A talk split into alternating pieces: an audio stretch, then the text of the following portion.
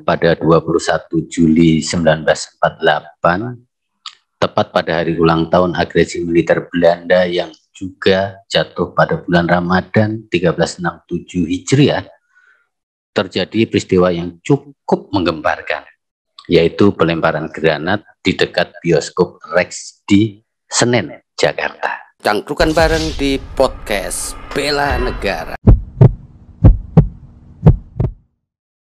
Assalamualaikum warahmatullahi wabarakatuh. Salam sehat buat Anda, salam bela negara, yuk bela Indonesia aku, karena Indonesia rumah kita bersama. Tak bosan-bosan karena masih dalam kondisi pandemi COVID-19, jadi tetap terapkan uh, protokol kesehatan minimal dengan 3M, memakai masker kalau kita berada di antara orang-orang, kalau sendirian ya silahkan Anda mulai sendiri, kemudian rajin mencuci tangan, dan yang ketiga adalah menjaga jarak. Nah, mungkin ditambah lagi dengan membatasi mobilitas. Ini terkait dengan himbauan atau pelarangan mudik uh, dari pemerintah. Mudik nggak cuma ke luar Jawa, tapi ke luar Jakarta dan lain-lainnya ini juga ternyata diberlakukan.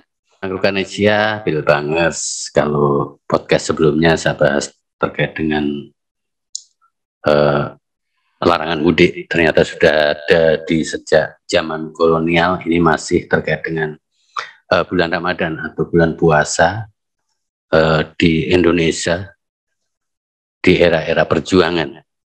Kenapa? Karena jas merah atau jangan sekali-kali meninggalkan sejarah. Jangan sekali-kali meninggalkan sejarah ini disampaikan oleh Bung Karno dalam pidatonya pada tanggal 17 Agustus 1966 atau merupakan pidato uh, kepresidenan Bung Karno yang terakhir. Nah, menurut sejarawan, pidato-pidato Bung Karno menggambarkan perjalanan revolusi Indonesia dari masa ke masa. Revolusi Indonesia mengalami masa-masa krusial dan juga mengalami kemenangan. Nah, setuju kan Cangkruk Kanesia, Bill Bangers, bahwa setiap bangsa di bumi ini mempunyai sejarah masing-masing meski tidak semua bangsa mempunyai catatan sejarah uh, secara tertulis. Nah tentu dengan mempelajari sejarah sama dengan mengenal diri sendiri. Sebaliknya merupakan sejarah sama dengan orang yang menderita hilang ingatan. Sejarah merupakan petunjuk tentang apa dan siapa manusia itu sebenarnya. Sejarah adalah pengalaman manusia dan ingatan manusia yang diceritakan manusia berperan dalam sejarah yaitu sebagai pembuat sejarah. Karena manusia yang membuat pengalaman menjadi sejarah. Nah, manusia adalah penutur sejarah yaitu yang membuat cerita sejarah atau sebagai sumber sejarah. Nah, dengan tak meninggalkan sejarah negeri tercinta Indonesia dengan mempelajari, menggali, memahami dan kemudian menyebarluaskan ke generasi muda kita, tentu ini menjadi bentuk kecintaan kita pada tanah air. Dan cinta tanah air adalah nilai pertama dalam bela negara. Nah, kembali ke sejarah bahwa kisah manusia dibatasi oleh waktu, ruang, tempat manusia itu berada.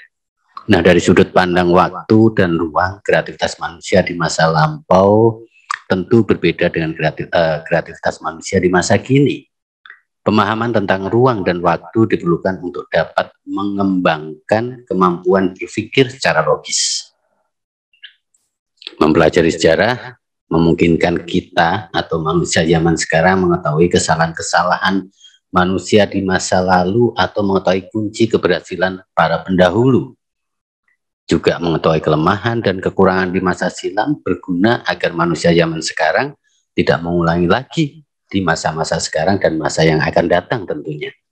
Nah, Bill Bangers lanjut ke podcast kali ini adalah tentang sejarah di mana para pemuda yang dulu tergabung dalam uh, gerilya pendahulu kita yang berjuang untuk mengusir penjajah dari Ibu Pertiwi, tepatnya pada bulan puasa, itu memberikan kado istimewa kepada penjajah Belanda Tepatnya saat Belanda melancarkan agresi militer uh, pertama, yakni pada 21 Juli 1947 ketika umat Islam sedang puasa Ramadan uh, 1366 Hijrah.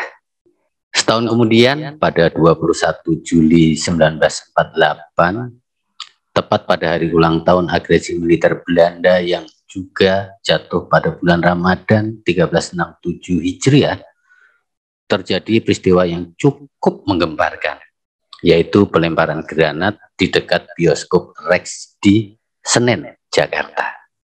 Seperti ditulis historia.id saat itu jam menunjukkan kira-kira pukul 22 waktu Indonesia Barat.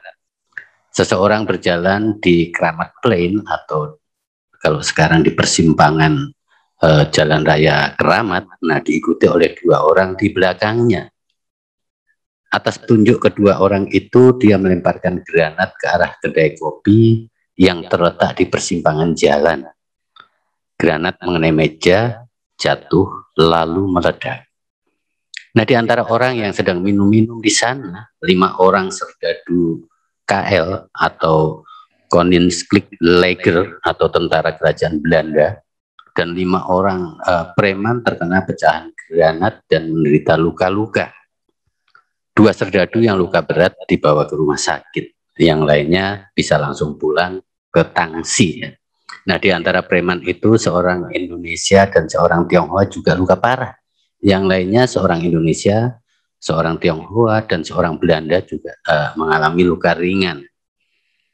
Nah, polisi segera datang untuk melakukan pemeriksaan. Polisi militer dan sepasukan dari basis komando kemudian menggerebek pemuda di mana-mana.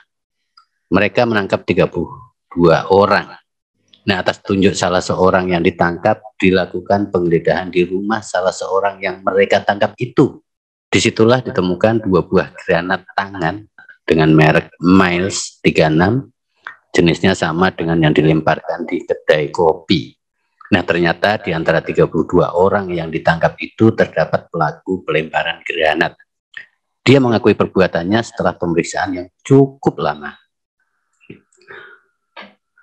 Nasution dalam uh, sekitar perang kemerdekaan Indonesia menyebutkan bahwa koran-koran Belanda menuduh yang berbuat itu adalah TNI atau Tentara uh, Nasional Indonesia dari Yogyakarta, seperti dengan tegas dikatakan oleh Head uh, Blade.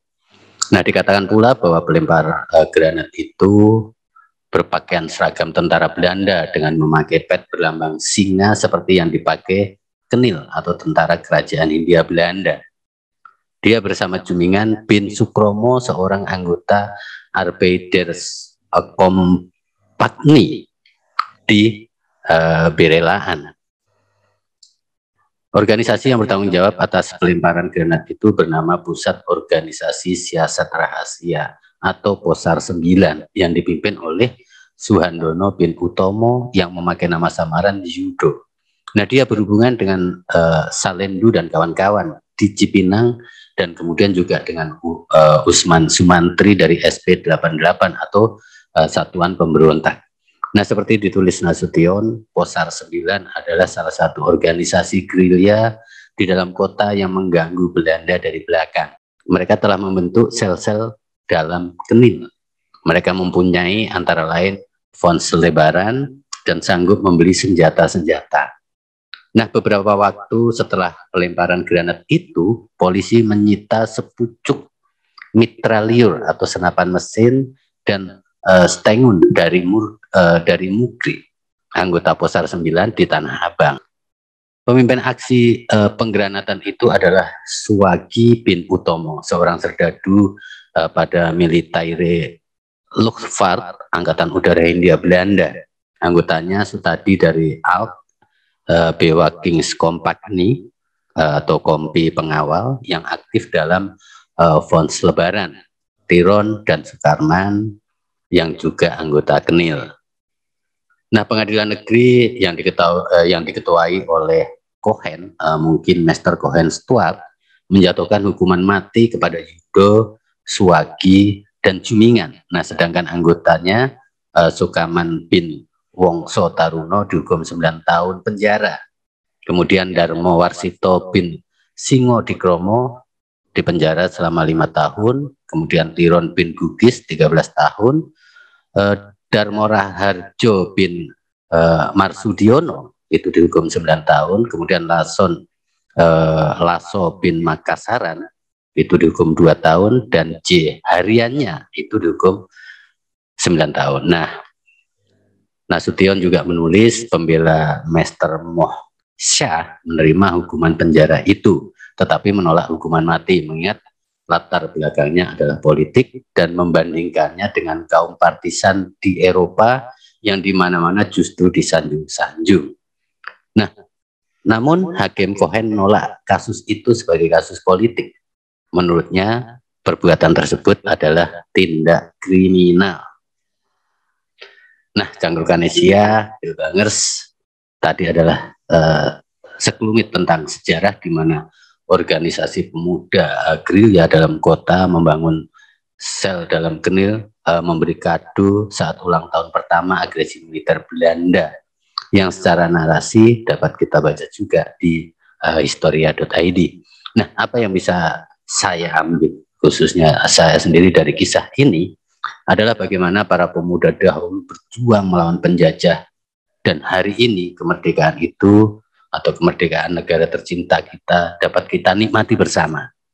Jadi tak ada alasan untuk tidak menjalankan amanah Undang-Undang Dasar 1945 khususnya di pasal 27 ayat 3 bahwa setiap warga negara berhak dan wajib ikut serta dalam upaya pembelaan negara. Kemudian pasal 30 ayat 1 bahwa tiap-tiap warga negara berhak dan wajib ikut serta dalam usaha pertahanan dan keamanan negara. Masih ada lagi di Undang-Undang RI nomor 3 tahun 2002. Ini tentang pertahanan negara. Juga dalam undang-undang terbaru yakni nomor 23 tahun 2019 tentang pengelolaan sumber daya nasional untuk pertahanan negara. Jadi apa hak dan kewajiban kita adalah bela negara. Nah, tentu untuk hari ini karena sebentar lagi lebaran hanya tinggal menghitung hari dan pemerintah juga sudah mengeluarkan uh, larangan untuk mudik.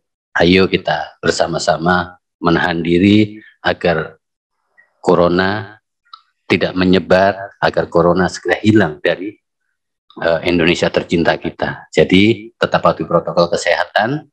Salam sehat untuk Anda.